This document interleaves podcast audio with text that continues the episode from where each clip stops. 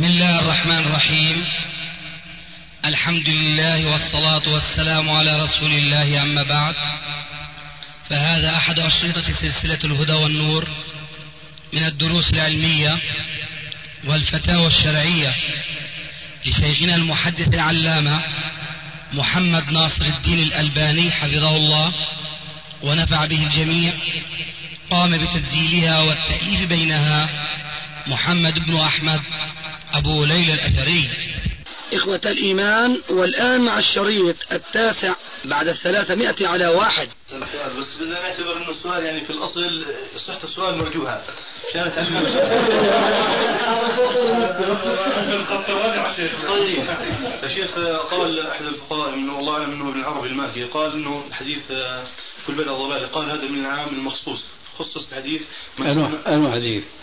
كل بلع ضلال. الحديث هذا قال هذا عام مخصوص, مخصوص نعم. بحديث من سن سنة الإسلام أيه. فشيخ إن طبعا طبعا إحنا بنعرف من خلال علمك إنه يعني مذهبك ما تذهب إليه مخالف القول هذا. فشو بترد على العالم هذا طبعا؟ جزاك الله خير. أو شو عندك مخالف لا ردنا عليه هذا القول والله ما كنت والله شيخ. آه شو تاويلك بدك تكون معنا. يا شيخ. نيجي يا شيخ. بس خليني نعم. عنا أخي أشرطة حول هذا الحديث. بعضها مطول جدا مبسط وبعضها مختصر كالأمس. إذا تذكرنا المناسبة التي جاء الحديث فيها اتضح بطلان تخصيص عموم قوله عليه السلام كل بدعة ضلالة بهذا الحديث. لكني أشعر بأن المسألة تحتاج إلى شيء من التفصيل وأنا أستريح إلى مثل هذا التفصيل ولو أنه غيري يمل من تكراره أستريح لمثل هذا التفصيل لما فيه من فائدة لغيري إذا كان غيري يتحملني. فإذا عندك استعداد للتفصيل حتى أفصل لك. شو رأيك؟ شيخ إحنا بدناش بدنا إن شاء الله. يعني قدر الاتصال غير متفصل. إحنا بنلبس شيخنا. وأنا قلت لك أنا أستريح لهذا التفصيل. طيب. اولا مناسبة الحديث كما جاء في المصدر الذي يعزى إليه الحديث دائما ابدا وهو صحيح مسلم. يرويه بإسناده الصحيح عن جرير ابن عبد الله البجلي رضي الله عنه قال كنا جالسين مع النبي صلى الله عليه وآله وسلم فجاءه أعراب مجتابي النمار متقلدي السيوف عامتهم من مضر بل كلهم من مضر. فلما رآهم رسول الله صلى الله عليه وآله وسلم تمعر وجهه أي أسفا وحزنا على فقرهم. ثم خطب الصحابة فقال يا أيها الذين آمنوا أنفقوا مما رزقناكم من قبل أن يأتي أحدكم الموت فيقول رب لولا أخرتني لولا أخرتني إلى أجل قريب فأصدق وأكن من الصالحين. ثم قال عليه السلام تصدق رجل أي ليتصدق رجل بدرهمه بديناره بصاع بره بصاع شعيره. وذكر أشياء أخرى حظا للصحابة على الصدقة. فقام رجل من الحاضرين ورجع وهو يحمل في طرف ثوبه ما تيسر له من الصدقة. ووضعها أمام الرسول عليه السلام. فلما رأى أصحابه عليه السلام الذين حوله ما فعل صاحبهم قام كل منهم ليعود بما تيسر له من الصدقة. فاجتمع أمام الرسول عليه السلام كأكوام الجبال من الصدقات. فلما رأى ذلك عليه الصلاة والسلام تنور وجهه كأنه مذهبة كالفضة المطلية بالذهب. فرحا وسرورا باستجابة أصحابه عليه السلام لأمره إياهم بالصدقة. ثم قال بهذه المناسبة من سن في الإسلام سنة حسنة فله أجرها وأجر من عمل بها إلى يوم القيامة دون أن ينقص من أجرهم شيء ومن سن في الإسلام سنة سيئة فعليه وزرها ووزر من عمل بها إلى يوم القيامة دون أن ينقص من أوزارهم شيء. الآن المناسبة بعد أن سمعتموها تتأكدون معي بأنه ليس هناك بدعة حدثت حتى يفسر الحديث بمن ابتدع في الإسلام بدعة حسنة. كل ما في الأمر أن الرسول أمرهم بالصدقة وقد كانت الصدقة مأمور بها قبل هذه الحادثة لأن الآية كانت نزلت. فإذا هذا الرجل الأول ما ابتدع في الإسلام بدعة حسنة ولكنه فتح طريقا كان مغلقا عمليا. كان أصحاب النبي صلى الله عليه وسلم متجاوبين معه عليه السلام في موعظته ولكنهم لم ينتبهوا إلى أن هذا التجاوب يجب أن يقترن معه العمل. ففتح باب العمل ذلك الرجل الأول. فلما تبعه من اتبعه قال عليه السلام من سن في الإسلام سنة حسنة. ما هي السنة الحسنة هنا؟ هي الصدقة. بالنسبة لهؤلاء الأعراب الفقراء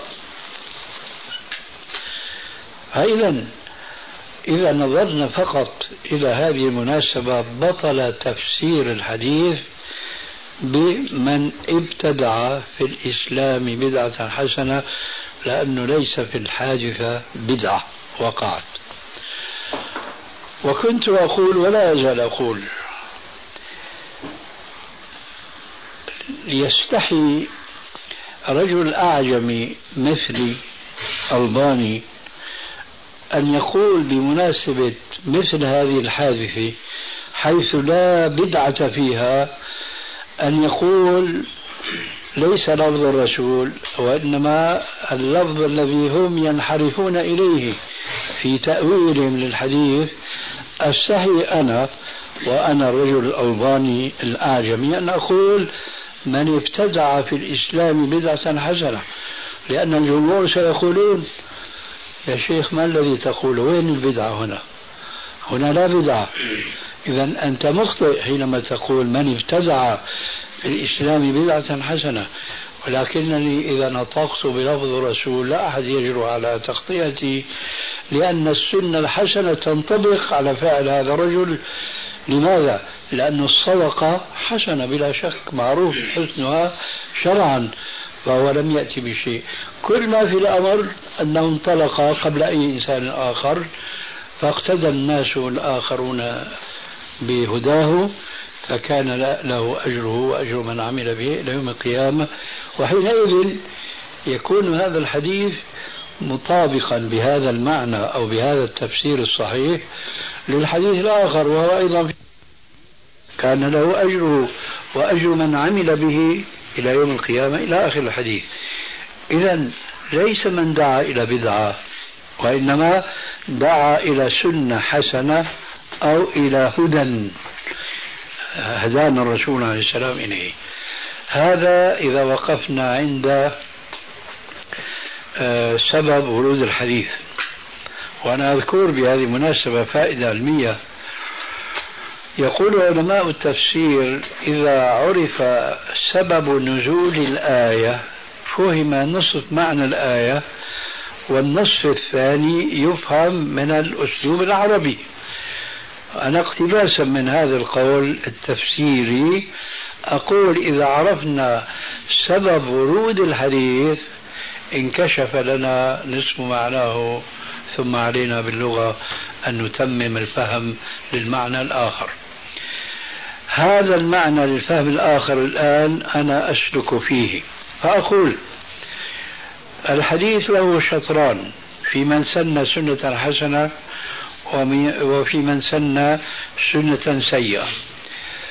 ما هو طريق معرفة السنة الحسنة ومعرفة السنة السيئة؟ أهو العقل أم الشرع؟ لا شك أن الجواب سيكون إنما هو الشرع. إذا فلا يستقل العقل أن يكون أن يقول في أمر حادث إنها سنة حسنة إلا بدليل من الشرع كما أنه لا يستقل العقل ولا يستطيع أن يحكم في أمر حادث بأنه سنة سيئة إلا بدليل الشرع.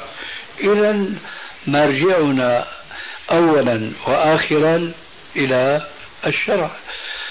فمن إذا قال في هذا الحديث من سن في الإسلام سنة حسنة نفترض أن هذا الشيء حدث فعلا ما كان في زمن الرسول. لكن وصفنا لهذا الأمر الحادث بأنه حسن أو سيء لا بد له من ماذا؟ من دليل في الشرع يساعدنا على أن نعمل مراجعة يا ترى هذا حسن أم سيء الشرع إذا هو الحكم. آه، وهنا لابد من وقفة بسيطة. مجرد حدوث الشيء بعد أن لم يكن في الزمن الأول لا يلزم منه أن يكون حسنا في ذاته ضرورة أو أن يكون سيئا فقد يكون مباحا ككثير من الوسائل التي جدت في العصر الحاضر ولم تكن في زمن الرسول عليه السلام. فنحن ما نقول عنها قولا عاما إنها حسنة أو إنها سيئة وإنما نازلها بميزان إيه؟ الشرع. وخلينا نضرب بعض الأمثلة. لما وقع وما لما وقع قديما بعد الرسول وما يقع اليوم. فيما بعد الرسول عليه السلام وهذه من شبهات المبتدعة أن الصحابة جمعوا القرآن في زمن أبي بكر ثم عمر ثم عثمان. هذا الجمع لم يكن في عهد الرسول عليه السلام ولا شك فإذا هذا الجمع هو أمر حادث. هل من شك في ذلك؟ جمع القرآن في صحف أمر حدث بعد وفاة الرسول عليه السلام. فهل نقول كل بدعة ضلالة وكل ضلالة في النار؟ نقول ابتداء ما نقوله لكن ننظر إلى الحديث السابق. من سن في الإسلام سنة حسنة. فنحن علينا الآن أن نزن هذا الحادث بميزان الشرع. فإن أعطانا الشرع الجواب أنه حسن قلنا إنه حسن.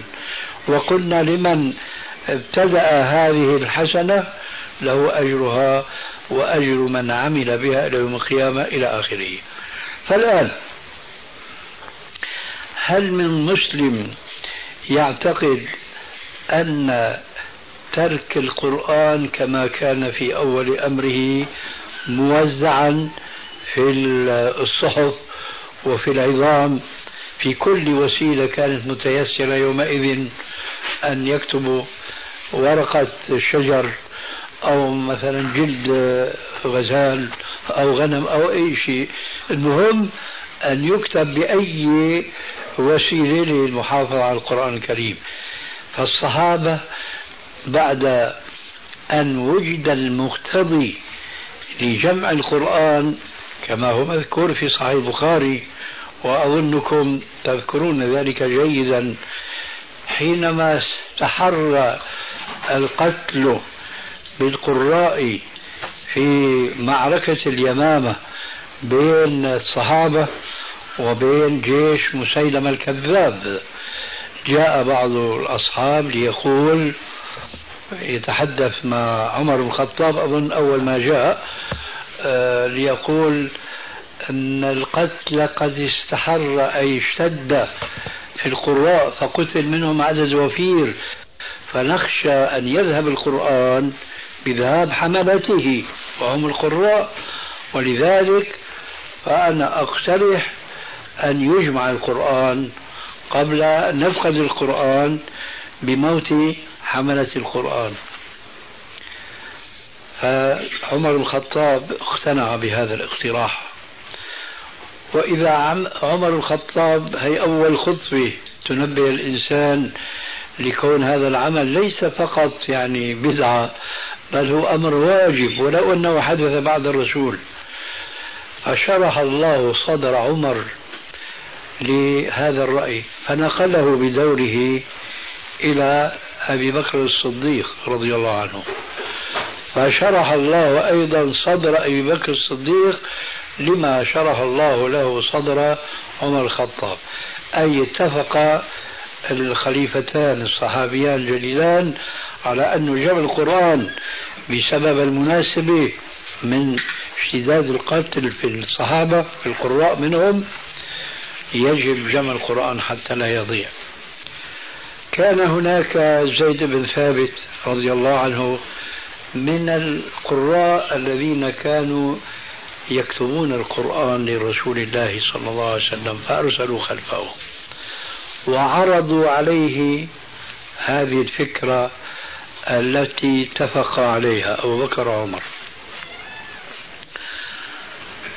فقال لهم وهنا العبرة على المبتدع الضالين هذول قال لهم كيف تفعلون شيئا ما فعله رسول الله صلى الله عليه وآله وسلم؟ الله أكبر. جمع القرآن يخشى هذا الرجل أن يكون إحداثا في الدين لأن الرسول عليه السلام لم يفعل ذلك. قال فما زال بي يعني أخذوا وعطوا معه هذا شيء ضروري.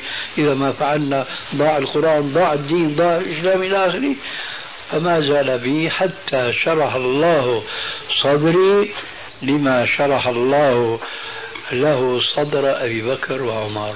وبدأ هو يجمع القرآن يلتقي مع الصحابة شو عند فلان شو عند فلان إلى آخره. فجمعوا القرآن. هذا الجمع لا شك إنه أمر حادث. ما كان في زمن الرسول. فهل هو بدعة؟ وبدعة ضلالة؟ الجواب لغة هو بدعة شرعا هو واجب وليس ببدعة ضلالة. لماذا؟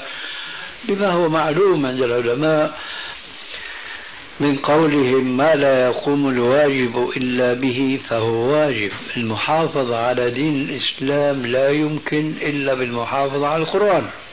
وأنتم تعلمون الآن في هذا الزمان دندنة المبشرين والكفار جميعا حول إبعاد المسلمين عن قرآن ربهم. حتى أحد كبار البريطانيين ويرحمك الله قال ناصحا للدولة البريطانية ما دام هذا القرآن بين ظهراني المسلمين فلن تستطيعوا أن تنحرفوا بهم عن دينهم. هذه حقيقة. فإذا قيام الصحابة الأولين بإجماعهم على جمع هذا القرآن وإن كان هو لغة حدث بعد أن لم يكن ولكنه ليس حدثا آه، وبدعة شرعية وهذا يجرنا أيضا إلى أن نذكر بكلمة عمر الخطاب بمناسبة إحياء صلاة الجماعة.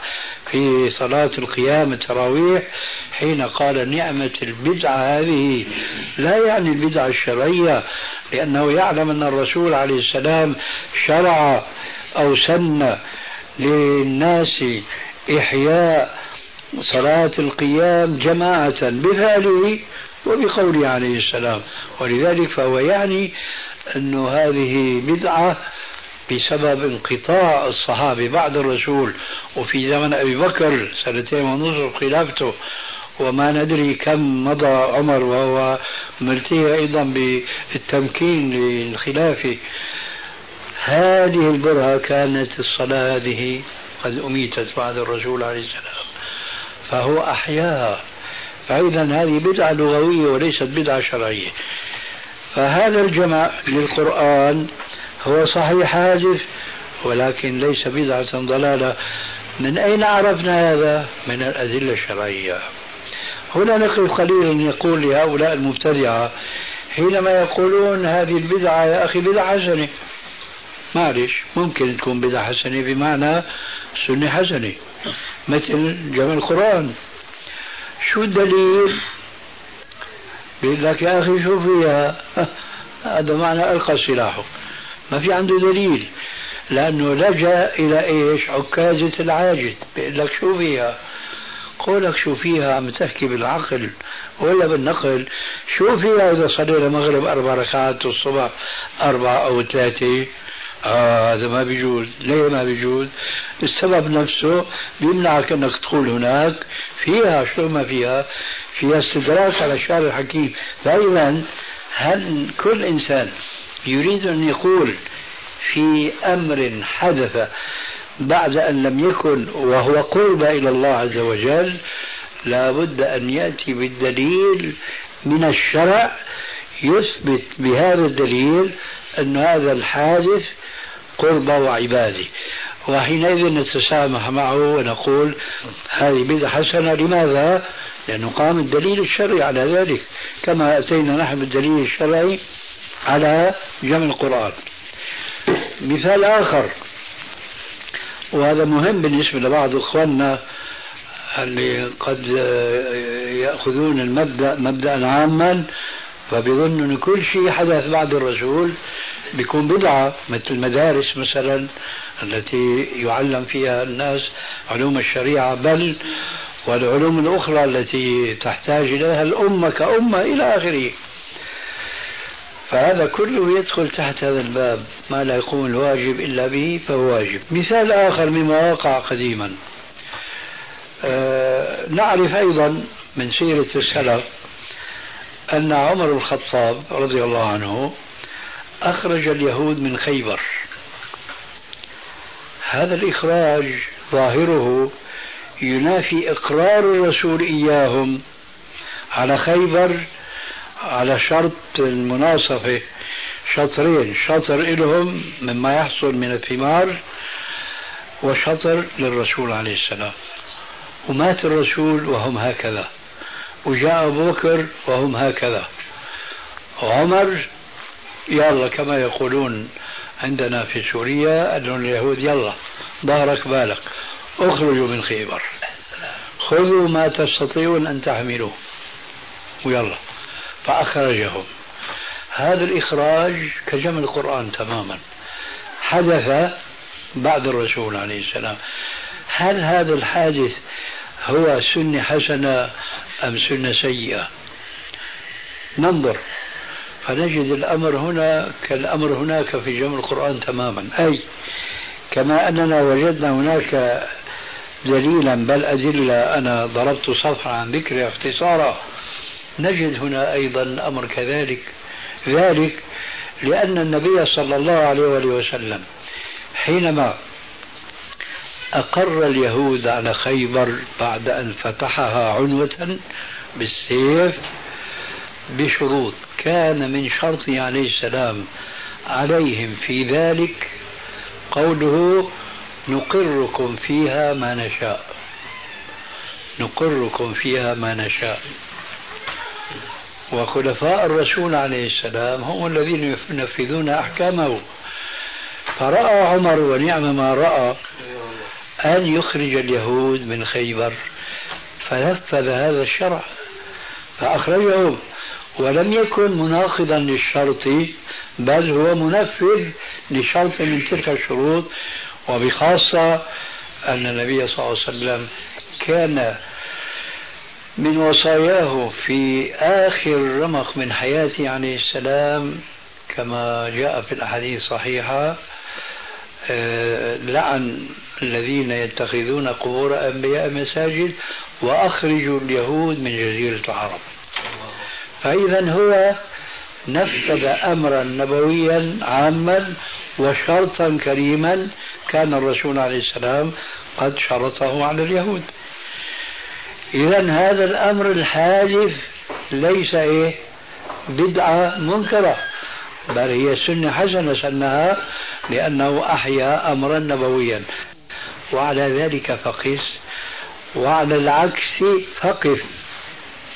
على ذلك فقس بمعنى كلما رأيت أمرا حادثا وقام الدليل الشرعي على شرعيته سواء كان في حدود الواجب أو ما دون ذلك فهو شرع وهو سنة حسنة لأنه قام الدليل الشرعي على حسنه. وعلى العكس كما قلت آنفا فقف أي كل بدعة حدثت بعد الرسول عليه السلام ويراد زيادة تقربها إلى الله ولا دليل في الشرع يحسنها فحينئذ اضرب بها عرض الحائض فإنها تدخل في المبدأ العام. كل بدعة ضلالة وكل ضلالة في النار. وعلى ذلك نقول لهؤلاء المبتدعة الذين يضربون عموم الحديث كل بدعة ضلالة بما يظنون من خصوص حديث من سن في الإسلام سنة حسنة نقول أبدا الحديث الأول لا يزال على عمومه والحديث الثاني لا يناقضه بل هو التشريع. الشرع يقول هذا حسن فهو حسن والشرع يقول هذا قبيح فهو قبيح. والقول الذي ينحو إليه المبتدعة حينما يقولون يا أخي شو فيها هذا مذهب اعتزالي. لو كانوا يعلمون ما يقولون وما يخرج من أفواههم. ذلك لأن من المعلوم أن هناك اختلافا جذريا بين أهل السنة وبين المعتزلة. أهل السنة يقولون الحسن ما حسنه الشرع والقبيح ما قبحه الشرع. المعتزلة يقولون لا يقولون كما هو منقول عنهم في كتب الكلام والفرق بالتحسين والتقبيح العقليين. ما حسنه العقل فهو حسن. وما قبحه العقل فهو قبيح. إذا هؤلاء معتزلة وهم يدعون أنهم يحاربون الاعتزال وهم يمشون مشية معتزلة تماما حينما يقول يا أخي عيشوا فيها. إذا هو حسن بعقله. المسلمون ليسوا على هذا. المسلمون حسن ما حسنه الشارع. لذلك نحن نقول كل من ادعى بأن هذه بدعة حسنة نقول له هاتوا برهانكم إن كنتم صادقين. فإن جاء بالبرهان كما جئنا نحن آنفا بالدليل على المثالين السابقين أن أبا بكر وعمر من جهة لما جمعوا القرآن وعمر لما أخرج اليهود من جزيرة العرب ما أتوا بدعة ضلالة وإنما نفذوا حكما شرعيا. فإن فعل هؤلاء وأتوا على ما يدعونه بأنه بدعة. بدليل شرعي نقول لهم بارك الله لكم في بدعتكم هذه لكن ننكر عليكم استعمالكم اللفظة لفظة البدعة عليها لأن الرسول يقول كل بدعة ضلالة. فأنتم تتناقضون حينما تطلقون عليها بدعة ما دام أن الشرع قام بدليل أنها مشروعة. فهل نحن نقول ما فعله أبو بكر وعمر من جمع القرآن وما فعله عمر نفسه من طرد اليهود من جزيرة العرب؟ هذه بدعة حاشا لله. فإذا هذا الحديث حج عليهم من جوانب عديدة. أولا سبب الورود كما ذكرنا وهم يجهلونه. ثانيا من كل من حديث يحمل في طواياه الحج عليكم. لأنه يقول من سن في الإسلام سنة حسنة. كيف نعرف البدع الحسنة؟ بالدليل الشرعي؟ هاتوا الدليل وانتهى الأمر. ومن سن في الإسلام سنة سيئة. بالدليل ولا كمان هيك بالعقل كما فعلوا بالسنة بالدليل انتهى الأمر وقضي الأمر الذي فيه تستفتيان. لعلي أجبتك إن شاء الله عن سؤالك آه. موضوع يعني تفضل. شيخ جزاك الله خير. يعني كلام مطول أكثر من كل المرات يعني. إيه، نعم. لكن الاستيفاء البحث هذا هذا مش ثانيا بنقول له من حديث يحمل في طواياه الحج عليكم. لأنه يقول من سن في الإسلام سنة حسنة. كيف نعرف البدع الحسنة بالدليل الشرعي؟ هاتوا الدليل وانتهى الأمر.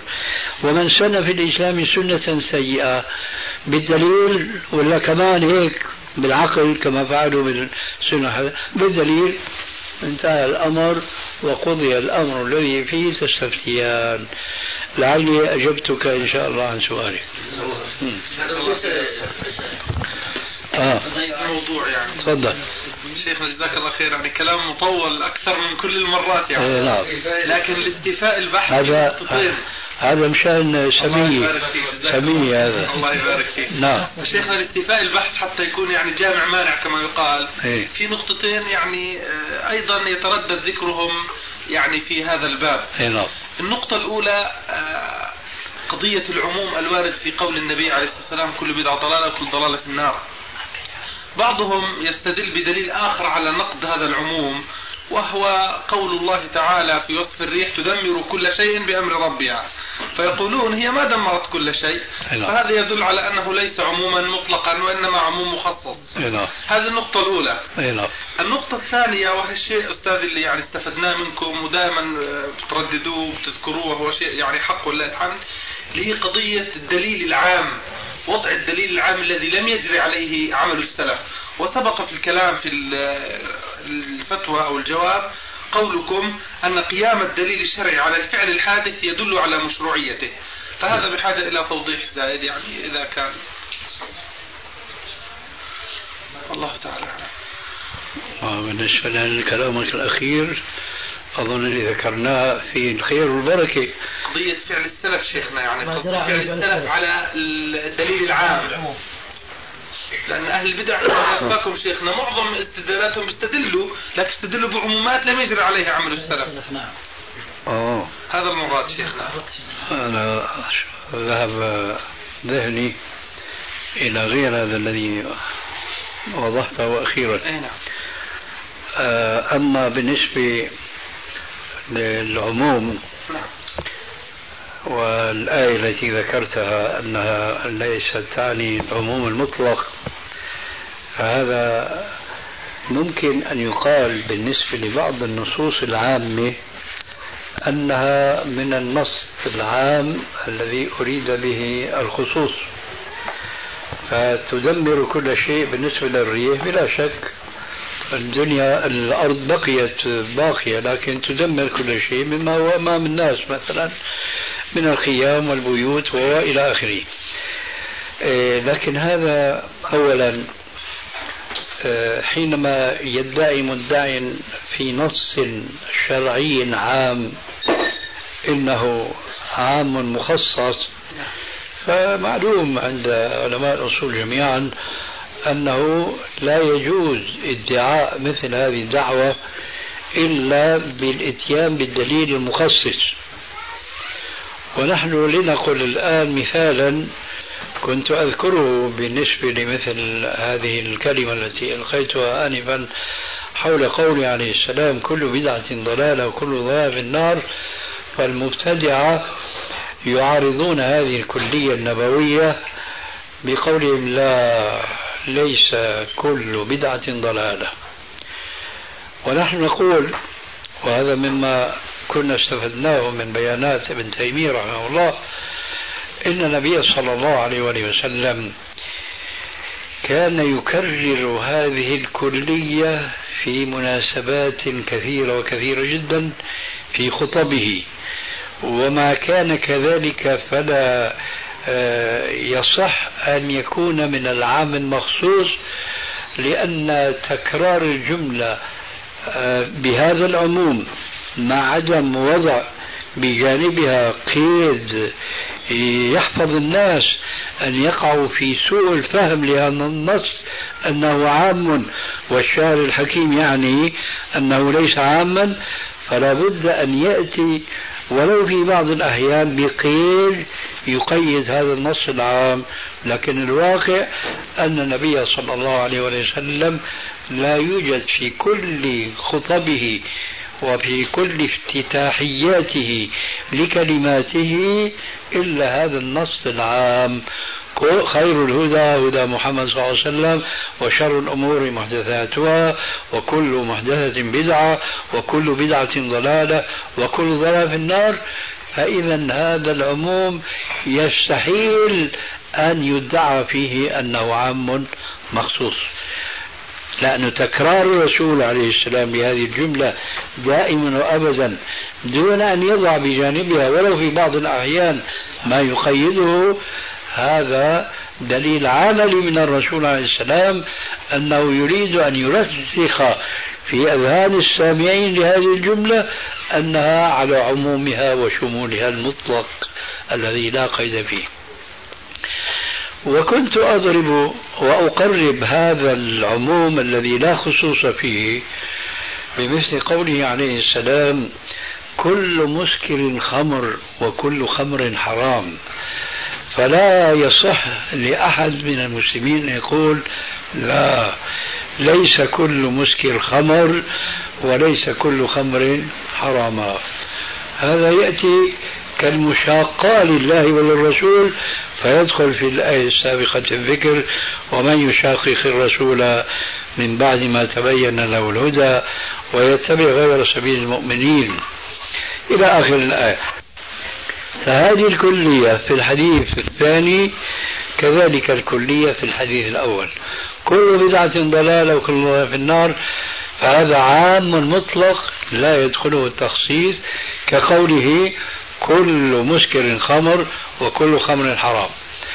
أما المسألة الأخرى التي أشرت إليها في سؤالك وهي بلا شك ليس لها علاقة ببحثنا السابق ولذلك أنا ذهبت آه، أفسر ما علاقة السؤال بالسؤال السابق ثم تبين لي أنه يعني بمناسبة ذكر النص عام ورد على خاطر الأخ السائل آه، شيء مهم جدا وإن كان ليس له صلة بالبدعة والكلية السابقة. آه، هي أن هناك نصوص عامة يدخل فيها جزئيات من الطاعة والعبادة هذه الجزئيات جرى العمل ببعضها في زمن السلف الصالح لكن لم يجري العمل ببعض أجزائها الأخرى. مع أنه هذا الجزء آه، لو جلست غير هذه الجلسة حتى تدفع المعاش عنك هذا الجزء مع أنه داخل في النص العام لكن لم يجري عليه عمل المسلمين. فيدخل حين ذلك هذا الجزء في عموم قوله عليه السلام كل بدعة ضلالة ولا يدخل في عموم النص الذي يحض عليه. هذا كمبدأ لكن قد يحتاج إلى شيء من التوضيح والبيان. مثلا من أشهر الأحاديث التي لا علاقة بالتحذير من الابتداء في الدين يد الله على الجماعة. يد الله على الجماعة. عليكم بالجماعة. فإنما يأكل الذئب من الغنم القاسية أحاديث كثيرة تأمر بالجماعة وبخاصة في الجماعة في الصلاة حيث قال عليه السلام في الحديث المعروف صلاة الجماعة تفضل صلاة الفذ بكم؟ بس 25 جود. تفضل ب 27 آه. وما في رواية 25 اي هكذا. يعني روايتان ب 25 و 27 طيب. وفي حديث آخر تنظر تكشف لنا في فضيلة صلاة الجماعة اثنين ثلاثة أربعة خمسة. صلاة. صلاة الاثنين أفضل من صلاة الواحد صلاة الثلاثة جميل جدا. فلنفرض الآن دخلنا نحن في المسجد لصلاة الظهر بعدما أذن. وكل واحد منا انتحى ناحية يريد أن يصلي السنة. واحد خطر في باله أن السن سنة حسنة. فشو قال يا جماعة ليش عم تصلوا وحدانا؟ تعالوا نصلي جماعة. قال عليه السلام صلاة الجماعة تفضل صلاة الفرد بخمس بسبع وعشرين صلاة الرجل مع الرجل أزكى من صلاته وحده. صلاة الثلاث أزكى من صلاة الرجل إلى آخره. الآن خلينا يعني آه، هيك متبسطين متوسعين في البحث. هالجزئية هذه؟ ألا يدخل في عموم قوله عليه السلام صلاة الرجلين أزكى من صلاته وحده؟ يدخل. آه. إذا كان يدخل فهل يجوز أن السنة هذه السنة الحسنة؟ لأنه هي عندنا حديث مو قلنا آنفا أنه إذا جاء المدعي بالبدعة أنها بدعة حسنة. جاء بدليل هي نحن الآن جبنا مثال كثيرا ما نطرقه ولعل هذا هو الذي كان أخونا أبو الحارث يدندن حوله في سؤاله. آه جاءنا بالدليل صلاة الرجل مع الرجل أزكى من صلاته. هل نسلم له؟ الجواب لا. لماذا؟ للقاعدة التي ذكرتها أخيرا وقلت أنها بحاجة إلى توضيح وإلى بيان. هذا الحديث لو كان يشمل هذه الجزئية أكان يخفى ذلك على السلف؟ على الصحابة والتابعين والأئمة المجتهدين؟ لا يخفى عليهم. إذا حينما وجدنا المسلمين تتابعوا على عدم التجمع في هذه الجزئية كانت هذه الجزئية إذا تجمع المسلمين عليها بدعة ولو كانت تدخل في عموم النص لأن العموم في هذه الجزئية لم يجري العمل عليه. واضح هذا؟ فإذا ضممنا هذا إلى ما سبق بيانه نستقيم على الجادة ونكون تماما على بصيرة. في موضوع السنة الحسنة والسنة السيئة. فإذا هذا التجمع على أداء السنة القبلية جماعة. إذا أردنا أن نطبق حديث من سن سنة حسنة ومن سن سنة سيئة بأي شطرين ندخل هذه الجزئية؟ بالشطر الأول أم بالشطر الآخر. آخر. لأن هي بتكون سنة سيئة. وهنا يقول العلماء لو كان خيرا لسبقونا إليه. فحينما نفهم الإسلام بهذا الوضوح وبهذا البيان المتعلق بهذا الحديث فيكون المسلم على هدى من ربه ولا يقع فيما ابتدع الناس كثيرا من العبادات لأن كل عبادة في الواقع أو كل بدعة لنقل يسمونها عبادة اليوم لا تعدم أن تجد نصا عاما. لا تعدم أن تجد نصا عاما. فالجواب حينئذ حينما يأتوننا بالنص عام أنه نربطهم بالسلف. هذا النص العام أخي أنت تطبقه على هذه الجزئية. هذا السلف كان يفهمه أم يجهله؟ لابد من جواب من جوابين. إما أن يقول كان يفهمه أو كان يجهله فإن كانت أخرى فهو جاهل لأنه يدعي بأن السلف جاهل وهو عالم وهذا منتهى الجهل والغباوة. وإن كانت الأولى وهو الصواب لا فهموه. طيب طبقوه كما أنت تطبقه؟ إذا جواب لا. إذا ما فهموه بفهمك؟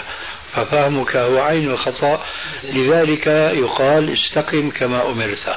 وكل خير في اتباع من سلف وكل شر في ابتداء من خلف. والآن بقى نستأذن بالانصراف لأنه في ناس طبعا تعبانين. شيخنا من السؤال ولا مسألة المرة. نفس السؤال نفس السؤال بس نفس الموضوع بس شيخنا يعني للفائدة. شيخنا في بعض الإخوة ذكر حول الآية السابقة اللي ذكرتها أنا آه ذكر يعني وجه طيب فأريد أن أعرف يعني رأيكم به. تفضل. قال تدمر كل شيء مما أذن لها به فهي على عمومها. فما في داعي نقول عام مخصوص أو أو إلى آخره. فهي فعلا على عمومها تدمر كل شيء مما أذن لها بتدبيره. لكن هذا يعني أشبه تلاعب بالألفاظ. لأنه من أين عرفنا أن أن مما أمر ليس من الواقع؟ نعم. طيب. هذا هو الدليل إنها على عمومها يعني هذا مو دليل هذا تأويل. هذا تأويل كما يؤول غيره أنه هذا عام مخصوص.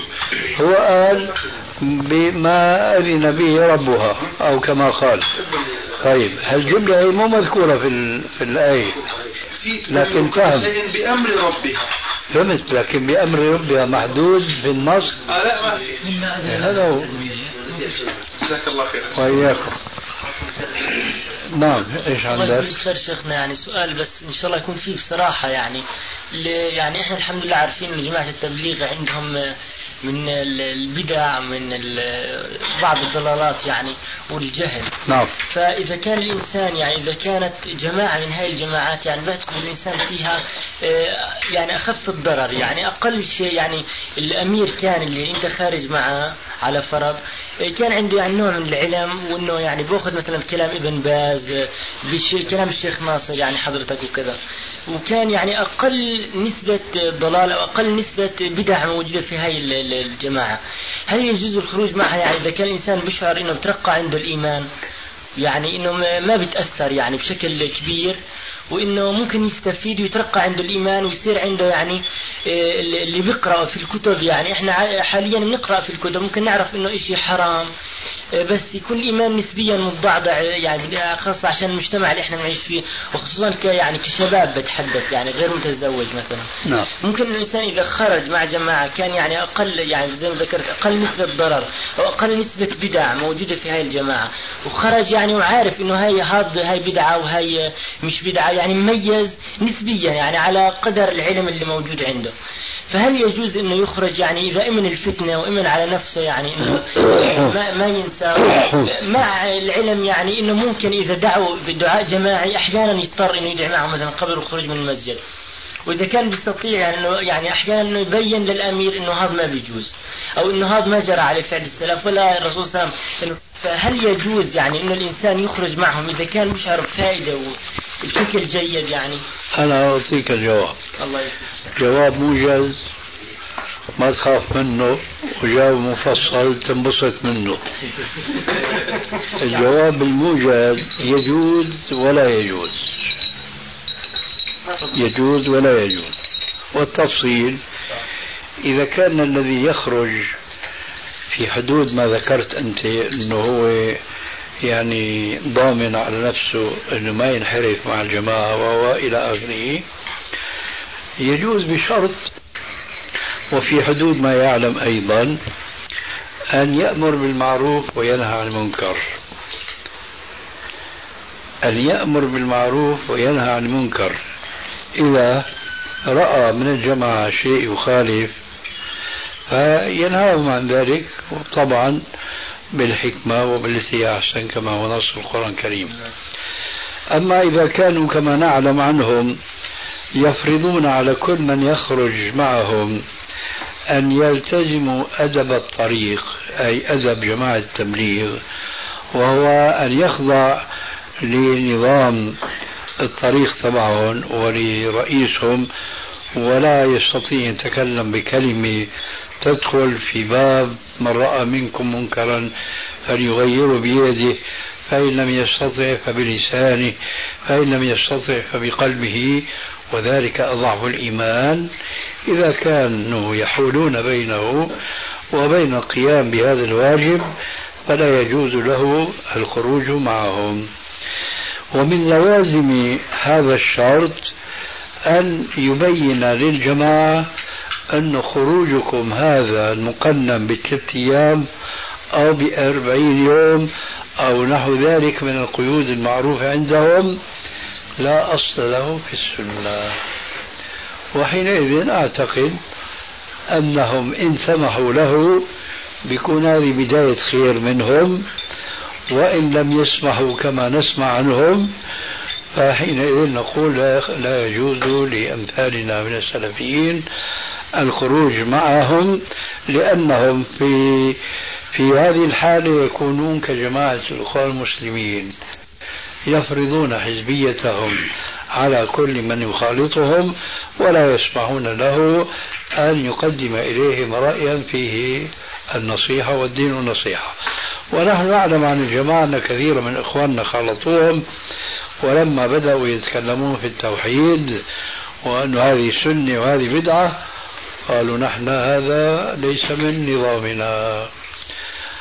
لعله الجواب واضح. الله يجزيك خير يعني حقيقة أنا خرجت برضه نفس الشيء عشان أستوضح الأمر يعني. فكان الأمير اللي خرجنا معاه يعني يتقبل مني يعني أنا ما بي- ما بيهمني الأمير. نعم. بيهمني المأمور. أن أمير بينك وبينه بيقول لك خوش كلام وما شاء الله وبارك الله وإلى آخره. لكن هذا بينك وبينه. نحن بيهمنا هل هالغنمات اللي عم يسوقون لوين عم يسوقون على السنة ولا على البدعة هذا المهم ونحن نعرف أنه هذول بعض الأمراء منهم تبليغيين مطعمين بسلفية إيه نحن هذا التطيب بدنا يكون عام مو يكون بس في بعض الرؤوس. واضح الكلام؟ نعم. يلا سبحانك اللهم وبحمدك. أشهد أن لا إله إلا أنت.